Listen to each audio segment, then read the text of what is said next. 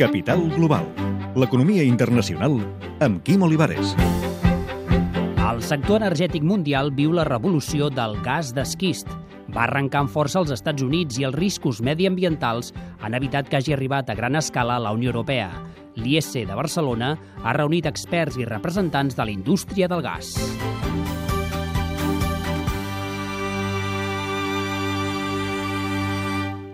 Texas, Colorado, Pensilvània i Dakota del Nord són els pioners en l'explotació del gas no convencional.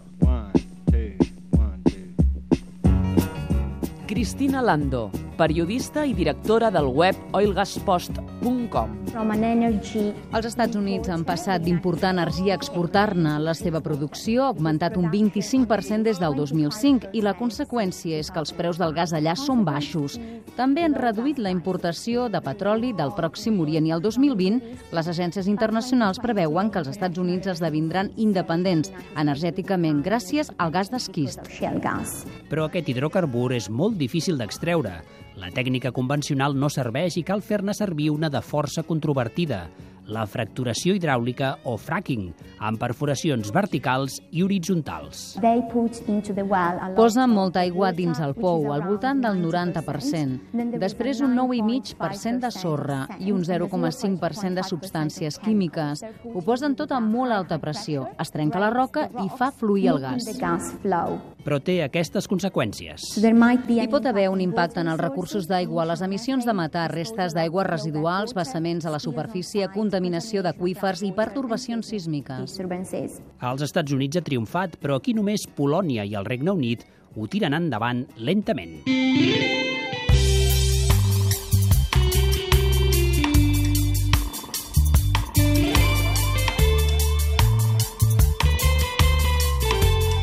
Antoni Flors, director d'Estratègia Corporativa de Gas Natural Fenosa. big energy companies Totes les grans companyies energètiques d'Europa voldrien fer més exploracions de gas, saben on és, però són extremadament prudents perquè a Europa el medi ambient és molt sensible.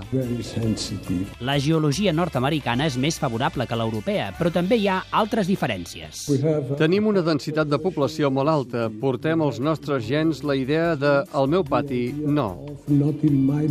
of. El gegant petrolier ExxonMobil és un dels grans extractors de gas d'esquist als Estats Units. Paul Walley, director gerent a Europa d'ExxonMobil. Alguns recursos són també al pati de la gent, d'acord? Així hem demostrat que es poden mitigar amb èxit les preocupacions mediambientals que apareixen. Penso que no es pot comparar directament als Estats Units i Europa, però almenys demanem una oportunitat per fer l'exploració.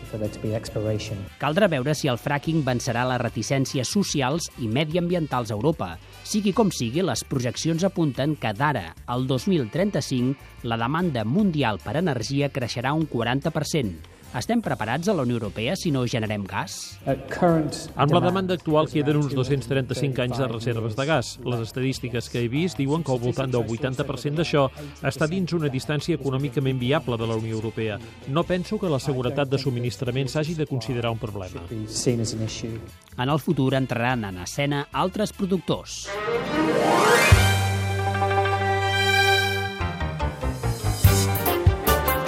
Un serà l'Iran, que té les segones reserves mundials de gas natural. Si l'acord internacional sobre el programa nuclear arriba a bon port, s'aixecaran les sancions contra l'antiga Pèrsia. Si les companyies poden anar a l'Iran i poden invertir, hi ha molts recursos potencials encara per descobrir. Per tant, això podrà tenir un impacte real en el futur de l'energia a Europa. Per Antoni Flors, assegurar-nos el subministrament de gas ja no depèn de la tècnica. Ja no és una qüestió de quins països tenen ara el subministrament i si són a prop d'Europa. A Espanya estem important la major part del gas, no només des d'Algèria, sinó també des de Nigèria i Qatar, grans quantitats de gas. Aconseguir-ho és, doncs, una qüestió de política entre països, no pas tècnica. technical